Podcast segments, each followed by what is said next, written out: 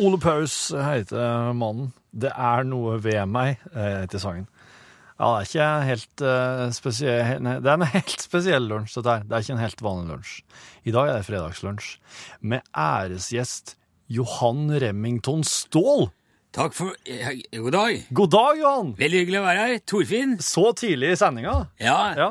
Ja, jeg er litt spent på eh, altså, hvorfor jeg skal være her så tidlig Ja. på en fredag. Jeg har forstått det skal være mye At vi får prate litt, litt grundigere i dag. Ja, faktisk. Ja. Jeg har sett av den hele lunsjen i dag til det. Nei, så hyggelig. Rune har fått eh, fri. Ja. Du skal, du skal være med meg, og jeg skal få lov til å, å spørre deg om eh, alt jeg måtte finne på å spørre deg. ja. Jeg stiller meg til disposisjon, som jeg pleier. Det er jo eh, Topp. Fyr, fyr løs, som vi bruker å si. Ja, jeg, er jeg blir veldig nysgjerrig på dere som er med her og er sånne eksperter og, og gjester iblant. Ja, Jeg, ja. jeg, jeg blir jo fullt av spørsmål om, eh, om livet deres eh, for øvrig og generelt og, og den slags. Ja, ja. Først og fremst, altså Johan, du er jo kjent eh, som våpeneksperten her i lunsj. Ja, ja. Det er jo mest det vi har pratet om før. Ab- våpen. Ja. Absolutt. Og eh, du skal få lov til å ønske deg noen sanger i dag. Det skal vi komme tilbake til. Ja, ja, så bra. Det er òg med å avsløre litt hvem du er. Ja, ja, ja, skjønner, skjønner. Men du, det er jo ikke bare våpen med det. Nei, det er jo mye våpen. Ja. Det er jo det jeg jobber med, det er det jeg driver med til vanlig. Så Ja. det er jo eh, Men det er klart, det er jo, det er jo ikke Spiser jo ikke våpen på brødskiva. Nei, det gjør sånn. ikke jeg. Jeg kunne godt gjort det, men eh, Men Jeg har en sånn liten pistol som du kan steike speilegg i. Du har det, ja? Ja, så det ser ut som en, ser ut som en pistol med, med eggeplommen i. Har du, har, har du, eh, har du pistolpepperkaker og, sånn, og slike ting på tre? Maskingeværpepperkaker på, Ja, ja, på tre? har, ja, jeg baker ikke så mye. Jeg pleier å kjøpe ferdig. Ja. Altså når jeg, når jeg er eh, Jeg bor jo Jeg er ungkar, da, så jeg bor for meg sjøl. Du er det? Ja, så jeg har ikke, det er ikke så mye sånn baking i Nei. Nei, det Du kjøper ferdig. kjøper ferdig, ja. Men jeg har fått, jeg har fått i gave en gang. Okay, et sånt sett med masse forskjellige, både 656 og kolter og som du kan lage. De er jo artige, da. Ja. Det er mer som moro. Men dem bruker du til å steike speilegg i diverse former? for... ja, jeg har stekt pistolspeilegg noen ganger. Det er moro. Akkurat. Du, ja, men da greit. Der var jo et par av spørsmålene mine borte allerede. Du, Ja er, du har altså, du er, ikke, du er ikke gift, du har ikke unger? Nei, det er jeg ikke. Nei. Vil, men heime, sier du. Hva er heime hen, Johan? Altså, nå er det jo Nå er det jo i Oslo. Men Ja. jeg, jeg er født på Stubbetangen i Strupedalen, i Rævknuten kommune i Østfold. OK, jaha. Ja, Vi kommer fra familier med lange tradisjoner i, i Strupedalen, da. Ja. Så det var vel min tipp-tipp Altså, jeg tror det er tre Jeg er litt usikker på det er tre eller fire tipper. eh, Oldefaren han var Ja. namsfogd og embetsrepresentant der. Ja. Så vi har slekt langt tilbake i lokalhistoria i, i, på Stubbetangen i Strupedalen. Ja. Vokste opp på Stubbetangen gård, Ok. som er familiegården. Der, det var, egentlig så var det husmannsplass fram til gang ut på, litt ut på 1600. Okay. Da var det en av mine forfedre som knerta en svensk baron ut på tunet der og erklærte egen stat på Stuppetangen, så det er litt spesiell historie. Det var sånn han slo seg opp, da. Så stru, Strupetangen ble erklært en egen stat? Stubbetangen. Stubbetangen? Ja, Hvor stort er det her, da? Nei, det, nei, altså, det var ikke lenge det varte. Eh, han, han, etter hvert så slo han seg sammen med biskopen, og da tok de over. Nest, det var nesten halve rævknuten var på, på, okay. på Remington-hender, da. Ja, å ja. Eh, Eller stålhender, da, som egentlig var han som var stål. Uh, og ja, og så har de liksom gått slag i slag. Så det var jo det var sånn de slo seg opp. Så det er Ja. ganske godt stilt oppe der nå. da. Vi har et ganske stort område oppe i, oppe i Strupedalen. Ja. Hva kommer Remington fra hen, og hva kommer Stål-navnet fra hen? Har du eh, Nei, altså, det er jo, det er jo, det er jo to familienavn Ja. Som Nå er det på en måte bindestreksnavn. Jeg, Ja. Det er litt usikkert når det ble, når Remington kom inn i stålslekta. Ja. Men det var jo to eh, ganske store familier Ja. i Strupedalen som slo seg sammen. Altså, det er jo rævknutefamilier, begge dette to. Er det det, ja? Ja, Ok. så Så Remington er. Remington-navnet, og da Altså er det samme Remington som òg er kjent for å ha funnet opp Remington-gevær? nei, nei, Nei. nei, det er ikke noe med det. Det. det er faktisk det er jo litt artig tilfeldighet. Ja, det har jeg tenkt var faktisk ja, er di. Nei, vi har aldri produsert våpen hos oss. Handla med, brukt, aldri produsert. Nei. Nei. Eh, Er du, eh, er du enebarn, eller var det noen å skylde på iblant når du, når du vokste opp? Eh, jeg, jeg, har, jeg har en bror. Ja. Eh, Vi var to gutter oppe i Stubbedalen Ok. eh, på Stubbetangen her, så jeg hadde jo jeg hadde det visste at det lekekamerat å skylde på innimellom. Du kan si, vi, vi hadde jo litt forskjellige interesser. Ja. Eh, altså, han var nok mer interessert Fra starten av var nok han mer interessert i det som faderen drev med, Ja. som var maskinist. Ja. Eh, Jeg gikk kanskje litt mer egne Altså, Bestefaren vår var oppsynsmann, både for Rævknuten og nabokommuner inn mot svenskegrensa der. Du kan si altså Åskammen, Vasslebukta, Latmannstrekket, inn mot Enkedalen. Ja. Via Store Lårknuten langs hele Strupedalslågen. Ja. Så jeg gikk mye i de områdene der med han, da. Okay. Og, og det var jo, kan si, det var bestefar som var vel be, be, bestekompisen min. Så hver gang noen hadde skadeskutt ei lårhøne eller gått seg på en konglerev, så måtte bestefar ut og, og, og skyte den, da. Ja, ja. Ta livet av han. Okay. For han som hadde ansvar for det. Så det var jeg mye med på. Ja. Så det er jo derfor jeg har fått denne interessen for jakt og friluftsliv, da. Ja. Det er bestefar. Jeg, jeg, visste jo at du, jeg visste jo at du hadde en bror, Johan, og, og jeg har jo eh, jeg har jo forberedt meg faktisk lite grann. Har du det, ja? Ja, så vi skal kanskje skal nok få høre mer fra, fra bror, eh, høre bror din sitt Ja, syn på saken Ja, senere. ja, ja, nei, det kan bli moro. Eh, men du har jeg si, moro, ja. Du har ønska deg musikk. Eh, Aller først ut av låtene dine så har jeg plukka her MIA med Paper Planes. ja. Den uh, syns jeg For det, det er den derre Det er den sangen som er med når, oss bruk, når du bruker å være her i våpenhjørnet. Ikke sant? Ja. Ja, for den syns jeg, er veldig- den synes jeg er veldig artig. Da kjører oss den nå. Her er MIA med Paper Planes. Det er Johan Remington Ståhl spesial i lunsj i dag. Ja.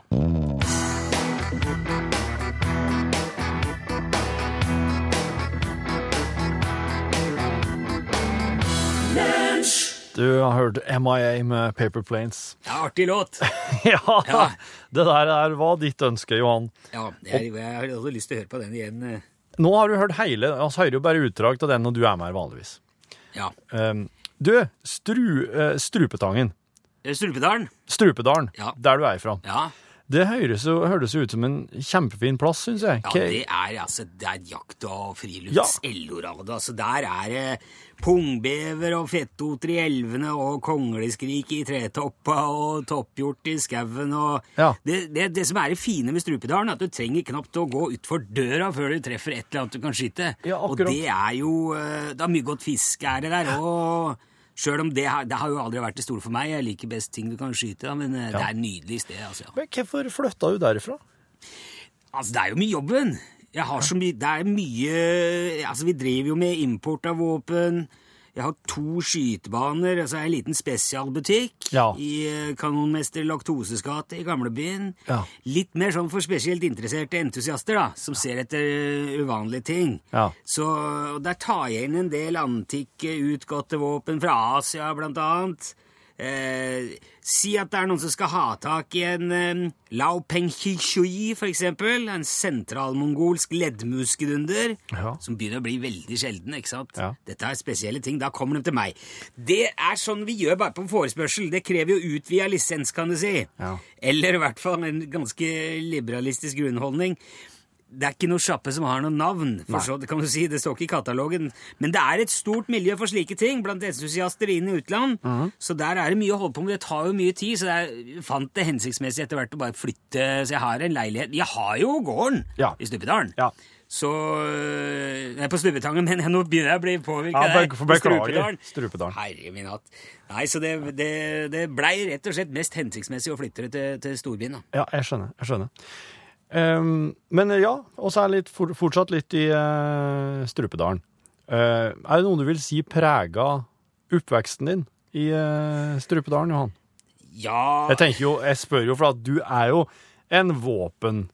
Du puster jo Ja, puster, spiser våpen. og, Ja, ja. og bæsjer våpen. Kan man si, ja, for å sette på spissen. K em, var det mye skyting og den slags Ja, ja, ja, klart det var mye skyting. Ja. Ja. Si, hvis du sier altså, hva som har prega meg, det, det må nok være bestefar Ja. som har prega meg. Det var en uh, tett liten plugg med framskutt gikt og grå spurv, men han jakta helt til det siste. Altså det å kunne utrolig mye om natur Ja. og, og dyreliv og Ja. lommekjent i hele rævknuten og langt utover. Jeg var vel Jeg tror jeg var, jeg mener på jeg var fire år gammel første gang han lot meg felle en hakehjort som hadde gått, seg fast i ei råmyr. Ja. Eh, Det var nede ved Akselsjøen, litt nord for Repslia. Mm. Det gjorde jo veldig inntrykk, klart, på en ung gutt. Ja. Eh, be- Bestefar la en gammel Hanomag, karafilifri, eh, i eh, neven på meg, og så sa han nå treffer du den stakkaren midt mellom øya, ellers så blir det en alvorlig dårlig dag, sa han. Og eh, jeg eh, traff, jeg, midt mellom håla, smakk i panna på den hakehjorten, og den ante ikke hva som traff den sin, men siden den gang så blei det mange turer, og ikke få avfyrte skudd, for, for å si det sånn. Så det er klart eh, Det var, det var farfar din, eller? Eh, nei, det var eh, morfar, ja. Det var Morfar, bestefar. ja, ja. Det ble, ja, kan man si. En mor og far din, da, Johan, hva, hva drev de med? Jobba de innafor uh... Nei, altså, mora mi var hjemmearbeider, Ja. For hun hadde jo ansvaret for gården. Altså, Fattern var ute, han eh, var på sjøen. Sjømann? Ja. Oh. Så mutter'n var hjemme. Han så vi lite til, men hun dreiv da i tillegg og vevde stålull. Ja. For eh, skogsmester og sønn uh, på, på Hivertsmo, Ja. veldig driftig dame, snill som dagen var lang, hun hadde jo nok å henge med. Vi hadde ikke dyr, så jorda var pakta nabogårda rundt. Så det var, ikke, det var ikke gårdsdrift som sånn, men det, klart, det var jo mye å ta vare på. Mye, veldig mye bygningsmasse, Ja. mye vedlikehold. Altså det er jo hva er det, det er tolv tolv bygninger, og så er det bryggeanlegg, og det er jaktrettigheter, så det er mye jobb. Men hun likte det, da. Ja, ja, ja. Hun syntes det var veldig hyggelig. Det var tydelig. Hun hadde ikke trengt å veve stålull, men hun satte pris på det sosiale, for da hadde hun kontakt med folk i bygda. ikke sant? ja, ja, ja. Så det, det, det satte hun pris på. Ja. Fattern var sjømann. ja. Han gikk mye på hvalfangst. Vi er mekanikk, Ja. hadde, så han var skytter og, og mekaniker. På hvalbåt, ja. Ja, mye var, altså, Han var jo på alt mulig. Vi hadde ikke Det kom et postkort i året, kanskje. Ja, ok, du har ikke hatt så mye med far din å gjøre? Nei, altså, han var hjemme ei jul her og der, kanskje en konfirmasjon. Men altså, vi hadde ikke det forholdet til far. Han ble eh, over bord med en harpun oppe i Beringhavet en gang på 70-tallet, da og gikk med. Og det var i grunnen Altså, vi kjente den så lite. Det er litt uh, Skal ikke si det ikke var trist, men uh, han var liksom så fjern for oss, da. Så han har sin grav i havet, han? Han har grav i havet. For alt jeg veit, så blir han slept rundt etter endelig han Blåhval den dag i dag. Det, det er ikke godt å vite. Han gikk på, han for uh, i vei mens han drev med det han likte best. og tar Ja. livet av enormt svære dyr. Ja. Det, det, er, jo, det er jo godt mulig vi har noe fra han nå, altså, men det var jo det, det Han døde med et glis om kjeft. Det vil jeg tro. Vil Ja. jeg tro. Du, ja, det er du som bestemmer musikken i dag, Johan Remington Ståhl. Ja. Nå har vi kommet fram til en eh, ja, jeg, vil, jeg, jeg kunne ha tippa at han her, her var fra uh, Rævknuten sjøl. Det her er Øystein Sunde. Ja, veit du hva? Denne syns jeg er veldig artig, for den er så på kornet, kan du si. Ja. Denne låta her Altså, det var jo nesten sånn det skjedde òg, slik den synger om her. Ja. Eh, det er en sann historie, dette her. Jeg skal ikke nevne noe navn, men det, det en go god venn av meg gjorde dette her for mange mange år siden. Skøyt bilen til lensmannen fordi den trodde det var en sølvrev. Men det var ikke noen folkevogn. Nei. Nei, det var en eh, Volvo Amazon. Og det gikk jo over 20 år før Hans Sunde fant ut det. At det var feil eh, bil. Men da var det jo for seint å begynne å rette på det. Så da, men han har laga jo en ny låt etterpå. da, Som het eh, Gammel Amazon. Gammel Amazon, ja. Men eh, jeg liker nå best den med jaktpraten sjøl uansett, sjøl om folkevogna er feil. da. Michelle Ståhl, god dag. God dagen, ja. God dagen. Du er, du er bror til Johan Remington Ståhl, stemmer det? Ja, det stemmer det. Det stemmer det. Du, er du store eller lillebror? Jeg er storebror. OK. Ja, jeg er tre og et halvt år eldre. Ja, ja, ja. Du, Michelle, kan, du, eh, kan ikke du gi meg eh, Kan ikke du fortelle meg hvordan var Johan som, eh, som lillebror? Han var jo en pinglete liten fyr, vet du. Og han var jo litt sånn ja, altså, Han hadde en venninne vegg i vegg her som drev og som, Han drev og lekte litt med dokker og sånn, skjønner du. Å, Så vi, folk lurte jo fælt på typen, om det kunne være noe gærent med rett og slett. Så mutter'n tok han jo med til psykologen på skolen og lurte på om det var, om var blitt litt sånn, ja, sånn, sånn annerledes. da. Fordi at uh, Fatter'n var jo til sjøs, så han uh, sov jo aldri noe til. Men, uh, men mutter'n tok jo ansvar, da. Men det viste seg at det var ikke noe annet enn at han bare syntes det var gøy da, med dokker. Ja. Ja, men det må da være greit. Hvordan Hvordan syns du, Hva tenkte du da, husker du det, når du var liten? Jeg dreit jo i hele guttungen. Han var jo en liten uh, gnålete liten uh, spirrevipp. Så jeg var jo ute med kameratene mine, og vi skøyt med spretter og luftgevær og hadde det gøy. Men jeg syns jo det er fryktelig rart altså, at en plutselig skal være så voldsomt opptatt av våpen. Vi hadde jo vært i Sverige sammen med besteforeldrene våre, og så hadde vi fått lov å pakke med kinaputter. Han var jo så redd, så han pissa jo på seg på veien hjem. Uff da. Satt jo der, vet du, du hadde jo mig ned hele buksa si. Ja, Bak i bilen? Ba bak i bilen, ja. Ja. Og der satt du ved sida av? Satt ved sida der. Og det er ingen Det, var, det har liksom ingen som har eh, tenkt på meg i dette her da, etterpå. Og så skal han plutselig dukke opp og ha så voldsomt eh, interesse for våpen. Jeg tror, jeg tror det er noe altså, Jeg er ikke sikker på om, eh, om han der psykologen den gangen gjorde ordentlig grundig jobb. altså. Nei. Når var det Johan eh, fikk den her våpeninteressa da, Michel? Han var hjemme hos bestefar min. Han hadde noen blader med sånne våpen, for han hadde vært på hvalfangst, og da fikk han Der hadde de skutt med sånn kanon. Så han hadde så han, hadde, så han fikk masse sånne våpenblader i posten. Han, og da begynte han å lese seg opp på dette. For jeg, det jeg anser som å være, sånn uten å, å kunne gå direkte inn på uh, materien, Ja. så tenker jeg han er litt sånn våpenverdenens Jan Erik Larsen. Så, sånn som bare har lest brosjyrer. Ja, akkurat, ja. Ja. jeg skjønner, jeg skjønner. Enn du da, Michelle, Har du noen gang eh, vært opptatt av våpen og slik? Jeg har jo en 12-7 stående i hagen her vi skyter småfugler med. Når, eh, har vi, har jo, vi har jo kulefanger på, på, på fuglebrettet her. Så, okay. så sånn til jul og sånn, så peprer vi løs litt. Da, vet du. Da er det så fjæra fyker, og så blir det litt sånn stemning av det. da. Ja vel, Michel. Eh, Ellers, da, eh, Johan, hvordan han har vært å ha som lillebror? Har det vært en eh, vært en ålreit lillebror, eller? Ja da, på sett og vis. Eh, så han, har jo gått i mye Han var jo et hue lavere enn meg, så han fikk jo konfirmasjonsdressen min. Den har han vel enda, for den, den eh, Så han gikk jo alltid med for svære klær. Og da hendte det at han f.eks. at han kunne ta ei boblejakke under dressjakka sånn. Altså han så litt ut som en sånn badeball, nesten, når han eh, Ja. gikk bortover. Og, og to, gjorde jo, tok jo oppvasken og, Ja. og, og var ute og kjøpte røyk og sånn til oss. da, sånn, Hvis det ble for, var for kaldt ute, så for, han var jo alltid godt kledd, så kunne han gå ut og kjøpe røyk og brus og sånn. Ja, ja, det er kjekt. Ja, ja. Jo, men har dere mye kontakt nå da, Michel? Du og Nei. Johan? Nei.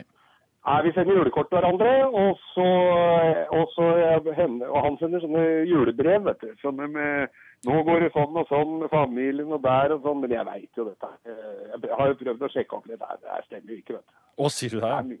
Ja, jeg har mye sånn eksamen her og eksamen der. og De ungene hans han har jo, har jo blitt hivet ut av skolen, flere av dem. vet jeg. Jeg tror han har fire-fem labsunger rundt omkring. Ja. Det er ingen av dem som har fullført noe. Oi, oi, oi. Okay. Nei vel.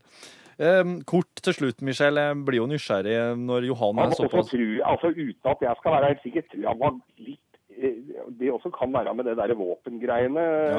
Men jeg tror han var litt dårlig utstyrt, eh, kan du si, eh, på ja, Mm. sånn Ja. rent fysisk, da, kan du si. Jeg forstår. Jeg forstår. Eh, Michel, jeg er jo nysgjerrig når Johan ender opp med å bli så våpenentusiastisk. Eh, hva er det du har slått inn på for slags eh, yrke her i livet? Hæ? Hva er det? Altså, Hva er, det du driver med? Hva er det du er opptatt av? Nei, jeg er jo, jeg er jo maskinist, vet du. Jeg, har jo, jeg gikk jo på maskinistskolen, og så seilte jeg ut eh, tidlig. Var i handelsflåten og har, eh, kan alt, mer eller mindre alt om uh, båtmotorer. da, Fra, fra damp og opp til turbin og, og sånn. Så jeg, jeg er skolert, altså. Du er en eh, sjøens mann. Rett og slett en sjøens mann, og har vært, eh, har vært turnusmaskinist på redningsbåt blant annet. Altså de redningsbåta som eh, går ut fra plattform. De der, eh, de der som du skyter ut. Ja, ja. Ja, det er, er ikke sånne lange vakter, kan du si. da. Nei. Det en 15-20 sekunder. Ja, skjønner. skjønner. Men eh, ja, OK, Michelle. Michelle Ståhl, tusen takk for praten. Det er bare hyggelig, altså. Ha det bra. Hei Elian.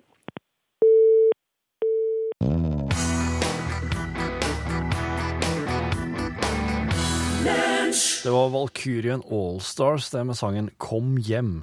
Du hører på Lunsj i NRK P1, og i dag er det fredagsspesial med æresgjest Johan Remington Ståhl. Ja, vi er da her ennå, ja. Ja. Du, eh, og før vi hørte Valkyrien Allstars, så hørte oss jo din bror Michel Ståhl fortelle Fortell eh, på, per, over telefon litt om um, Ja. Du, ja, du flira så innmari mye underveis. Ja, jeg må si det. Jeg tror du har gått på en bitte liten uh, practical joke. Ja vel? Ja, du hørte Ja, altså, du har Du prata med Kjell. Kjell? Ja. Kjell! Det er Kjell. Michel! Ja, ja, altså, Kjell er tvillingbroren min. Han er eh, Det er sant at han er eldre enn meg. Det er tre og et halvt minutt. Han liker Altså, Kjell elsker jo dette her. Det er ja. Han er en, han er en spøkefugl. Han For sa å han si var, det pent. Han sa han var tre og et halvt år eldre Ja, enn det. det, det, pleier, det liker han å si, hvis det er noen som ikke kjenner oss begge. Dere er tvillingbrødre, ja. Ja, altså, Vi jobber jo sammen, Kjell og jeg. Vi driver både skytebanene og importfirma sammen. Fader, er han har tur! Han, han jaug, han jaug, Ja, altså, Kjell, Kjell er jo veldig glad i dette her. da. Han liker å sette Det er jo litt sånn intern konkurranse, kanskje. Vi liker å sette hverandre i litt dårlig lys, eller i hvert fall prøve å, å tøyse litt. Fy fader. Altså, Kjell drifter lageret og verkstedet hos oss. Han tar seg av alt det som er teknisk. Ja. Ehm, Kjell Ståhl. ja, eh, Hvorfor heter ikke han Remington? Ja, gjør det. Han bare bruker ikke Han bruker av og til R. Kjell R. Ståhl. Kjell Austvold, ja. Nei, vi har, eh, vi har kontakt, kan du si. Han sa vi hadde ikke så mye kontakt. Det var Kjell som kjørte meg opp hit, og jeg regner med han Fy sitter og ler godt i Fy bilen nå. fader! Og han Ja. sa du bare sendte kort. Julekort. Altså, dette her- Julebrev. Eh, dette er veldig vanlig for Kjell. Altså, en gang eh, for, Bare for å illustrere da, hva det går i med Kjell. Altså, jeg skulle opp en gang til en kunde med bestilling på haglpatroner. Ja. Eh, og det var Kjell som hadde tatt inn patrona, og så hadde han fått tak i samtidig 6000 underfora stempelkanonpatroner fra et polsk slakthus som hadde gått konkurs. Og eh, de brukte jo dem til å avlive intrikate kalkuner med, da. Det, altså, det ser, men, for Da ser det ut som vanlige haglepatroner, men så har de tørrlagt eh, bretteflenser. ja. Så Kjell, det, det og dass, det ser du jo med en gang. Er det, nei, det er jo Se på bretteflensen, det er ikke, det er ikke haglepraton. Så det den gjorde, han satt en hel natt og lakka de flensene blå, sånn at jeg ikke skulle merke noe. Og det gjorde jeg ikke. Så jeg dro opp til kunden. eh, Denne karen her, det er en storkunde. Han har jo eh, flere eh, titalls tusen mål med førsteklasses jaktskog oppe i Fleskedalen. Så driver han litt sånn fancy opplegg oppi der da, for rikinger som skal jakte. Ja. Betal, den betaler kanskje 100 000 kroner for ei helg, ja, med gourmetkokk og helikoptertransport Ja, eh, ut på en nut på bredden av Stamtokvatnet. Og så jager han da en halvt uh, bukk eller en pensjonert eh, russisk sirkusbjørn forbi der som den får skyte på. Så han hadde jo um, eh, Han hadde flere millionærer oppi der som løp rundt og skjøt kalkunslag i flere dager uten at de merka noe. Det var Kjell. Han, han, han sa ikke ord til meg. Det er veldig typisk her. En annen gang fikk vi inn en eh, paviljongrifle Ja. med, eh, med refleksiv krumtakt. Kjempedyrt våpen, produsert av en tidligere tibetansk munk i Bhutan. Han er veldig kjent i, i våpenkretser. Han konverterte til militarismen på slutten av 80-tallet. Okay. Lager, håndlager våpen. Fantastisk håndverk. Den fikk vi inn fra en veldig godt stilt eh, samler. Ja. For, eh, og Kjell skulle legge en ny lensegang Ja. på, på denne paviljongrifla. Ja. Det er et så nydelig våpen. Det er ankelstyring på en syrebeisa nikkelfres. Veldig sjelden, veldig dyr. Hva gjør Kjell? Jo, han fasevender lensegangen, og så freser han en åpen gjennomgang ned til skattkista, så at hver gang Jeg vedder på at han skyter ikke med den, den, eh, den børsa. Nei. Det er en samler. Men det skal, alt skal være på stell. Men hvis han noen gang plukker opp den og skyter med den, Ja. så kommer det en sånn lyd. Så plystrer lyd, så det låter som en gammel cowboyfilm. Det er typisk Kjell. Så den henger nok på en vegg på beste vestkant. Og kan plystre, men eh, det spørs om det syns. Så dette her, er, dette her er veldig typisk Kjell, da. Ok. Men det var veldig, det er moro. Det er, det var artig å høre. Ja. Ring gjerne Kjell igjen, han har mye å levere. Der sa, altså, Den av oss som var hos eh, psykolog, det var vel mer Kjell enn meg, men det var andre grunner til det, for han, han var lystløgner fra han var liten. Han fikk jo revet eh, skolestua oppe i Strupedalen. Men ja, Han sendte brev til kommunen og sa det var fremskudd råte der, så du måtte ta av så det reiv hele skolestua. Nei, nei, Altså, da ble han sendt bort en stund. Okay, Men ja. mm. stort sett så klarer han seg bra, og han er jo ekstremt dyktig. Han er maskinist, men Ja. det er jo beskjedenhet. Han, også, han har professorat i systemmekanikk, Ja. flere doktorgrader i avansert kybernikk og, og robotikk. Okay. Så det er ikke den ting den mannen ikke kan. Da, mekanisk. Okay. Du, Uh, du, her er en ny låt som du har ønska deg, Johan Remington Ståhl. Ja! Det her er Stage Dolls. Oh. Ja, den, den er, det, er jo, det er jo noe med den. Ja. Skal vi ta det etterpå? Skal jeg si det nå? Det kan du bestemme. Ja, nei, for altså, jeg ønsker jo Dette er Soldiers Guns, ikke sant? Ja. Soldiers Gun. Soldiers Gun. Jeg er jo militærnekter sjøl. Ja. Noen syns det er litt rart, men jeg syns det er forskjell på å skyte dyr og folk. Ja. Det skal det være. Ja, det er det. så. Eh, så når Stage Doll synger her at sola ikke skinner på gunneren til soldaten der, så syns jeg det er noe veldig fint med det. Ja. Og, og eh, jeg setter pris på en del militære våpen. Det er lite som kan måle seg med en Impala Terracotta 700 Amarillo når du snakker maskingevær, for eksempel. Ja. Eh, og så er det òg eh, eh, forskjell på Altså, jeg, jeg kjenner jo òg veldig godt eh, han Torstein Flakne der. Ja. Jeg har vært en del rundt i, i Trøndelag og skutt løsgjøk med han. Han er en habil fuglejeger. Ja. Kjellerstua full av langmåker og knehøner og blå hallingskarv og ei brunspetta harperytte har han Ja. uh, utstoppa der. Akkurat. Så denne går til Torstein, som jeg syns har fanga essensen i jakt med denne låta. Altså.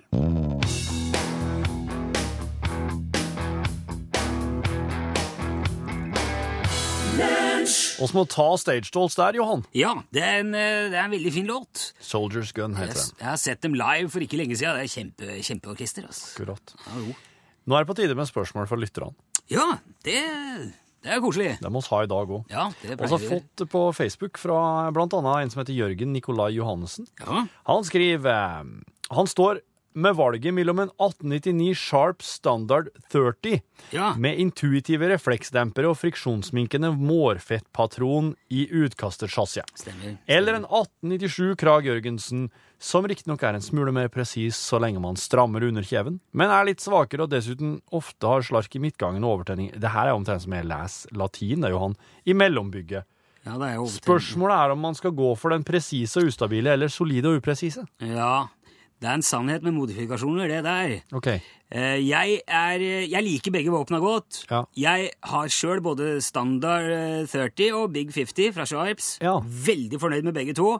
Jeg var litt skeptisk til intuitive refleksdemper i starten, for det gir jo mye mindre vibrasjoner i underslagskammeret. Og i begynnelsen så følte det nesten som noen hadde fjerna hele rekkehyllforplanteren og skrudd inn en laskedemper. Og det tror jeg er opphavet til myten om den ustabiliteten som Jørgen Nikolai nevner, for det er en myte. Ja vel. Ja. Ja. Eh, For hvis folk tror at det er laskedemper på den, Ja. så, så da, da tenker du det med en gang, for den svekker stabiliteten betydelig. Det er fordi at den hviler på akselpluggen. Det går altså et dempa stag fra knekkramma til akselpluggen som forplanter rekkhyllen ned i skjeftet- eh, skjeftetverrstaget. Ja. Men det er jo ingen som bruker laskedemper lenger. Det er noen obskure modeller fra Winston Rockefeller og en serie med klyperifler fra Krydder og Dorfmeister, men ellers er det slutt på det. Men det stemmer, som hun skriver, at 1897 Krag Jørgensen er litt slapp. ja vel. Det er ikke fordi, den, den lades med 25 grains, men det er ikke derfor. Nei. Selv om, eh, selv om den har anodestruktur. Altså grunn, grunnen Ja. er rett og slett ventrikkelkroken, for den er klinka. Og alle andre ventrikkelkroker er gjenga opp og skrudd i med lavkanta sperremutter fordi at det er så mye vandring inn. Okay. Så den mister jo mer og mer moment for hver gang du, du slår av et skudd. Ja, ja. Så mitt råd er veldig enkelt, det er klart, det er tydelig. Ja. Gå for sharps. Uten tvil. Okay. For det er en myte, det der med, med ustabiliteten. Sharps, altså, Jørgen. Henrik Håndlykken spør hva gjør man med en tørr raklehane på 1, 2 og 950 Edison jaktrifle nedforlenget halehals? Ja, det er et godt spørsmål. Ja. Det, er, det er et bedre spørsmål enn Henrik kanskje er klar over sjøl. Ok. For Altså, På enhver vanlig børse så vil du demontere hanehuset, Ja. tar ut kyllingfoten og raklehannen, og så avfetter du med albinosyre, Ja. smører opp med oterfett og honningpulver på vanlig måte. Men han skrev at når halehalsen er forlenga, da bør du pulvercoate raklehannen i tillegg. Ja. Og jeg tipper at Henrik har både fetta av og smurt opp flere ganger allerede. Ja. Og så opplever han at det tørker ut mye fortere enn du skulle forvente. Og det er, det er halehalsen som gjør det. Og, og det er fordi at fortetningsmaskene eh, i vevhuset på den ytterste delen av halen, altså der som den er forlenga, Ja. de er avstandspoengterte. Og det har Edison gjort kun for å spare penger. altså Det ser bra ut, det holder lenge, men det, det, er- det er ikke noe kaldgang i maskefalsen. Nei. Så det er ikke gjennomstrømming nær til hakebekken, og da tørker det ut. Ok. Eh, Men hvis du pulverkolter da, raklehanen i tillegg, så får du den dynamiske strukturoverflata på hanekammen. Da får du ikke vakuum der mellom ladegrepa, så da puster det. Okay. Og Det er jeg helt sikker på vil hjelpe. Ja. Hvis ikke så må du nesten vurdere en fresekant i ytterveggen på hanehuset. Ja. Men det er en jobb for et børseverksted.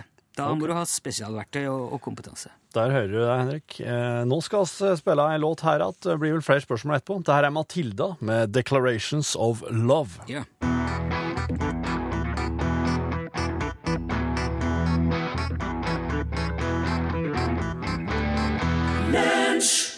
Hun heter Matilda, og hun har skrevet sangen 'Declarations of Love'. Johan, oss eh, fortsetter med noen lytterspørsmål. Det er, lunsjen er straks ferdig, ja. men jeg må ta med noen flere spørsmål. ja, ja, det går bra. det går bra. Du, han eh, Runar Karlsson han lurer på hva gjør man hvis man får rekyl i kyllingfoten? Det lurer jeg på. Aha. Tar en dobbelthane? Eller holder det å sørge for at knehøna er riktig innstilt, sånn at man unngår en skikkelig lårhøne? Det er heldigvis ikke vanlig å få rekyl i kyllingfoten. Å nei. Heldigvis. Men har han et problem, da? Nei, det skjer jo. Du kan ta en dobbelthane, som Runa skriver her, eller så kan du bare file ned eggstokken på rugekassa, og så legge den i flukt med fjærpinnen, og så setter du bare på en eggstokkfordeler. Skjønner. Da slipper du lårhøner, garantert. En annen ting, altså, må jeg si, Runa, du kan slutte å skyte fra hofta. Det er jo greit på mange måter. Ja, det er veldig sånn eh, Er ikke det veldig sånn egentlig slik som ingen gjør? Ja, det er jo... Bare på film iblant? Nei, på film altså, det er jo moro, men det er jo Det er som å si, du, du kjenner det jo etterpå. Det er klart. Knut Ove Lage Johansen eh, skriver her Har JR Stål noe erfaring med bruk av vakuumsåpe for fjerning av våpenolje? Ja, selvfølgelig har jeg. Jeg bruker sjøl sjelden eh, våpenolje Altså, jeg, jeg bruker sjelden kjemiske eh, eh, midler for å fjerne våpenolje.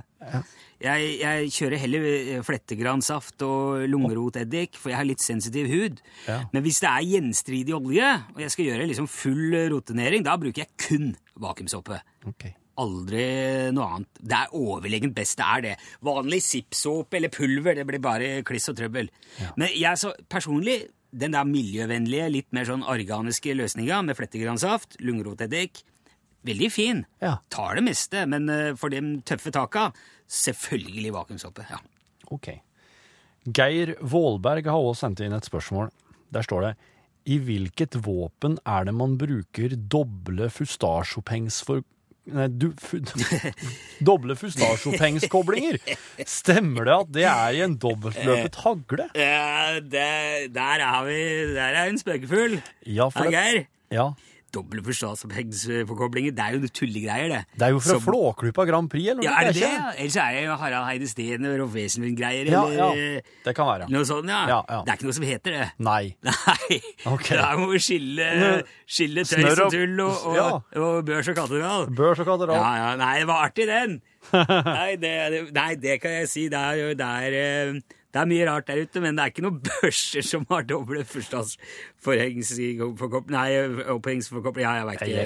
jeg gikk rett på denne, altså. Den Ja, du gjorde det? Ja. Ja, nei, det, du skal ikke ha skutt mye for å skjønne forskjell på det. Nei. Nei, men ok. Men du, da, da Ja, men du, jeg tar- meg et, ekstra, et lite et. Øystein Lie skriver Ja. Hvilken ammunisjon passer best for å lage reinsdyrkav?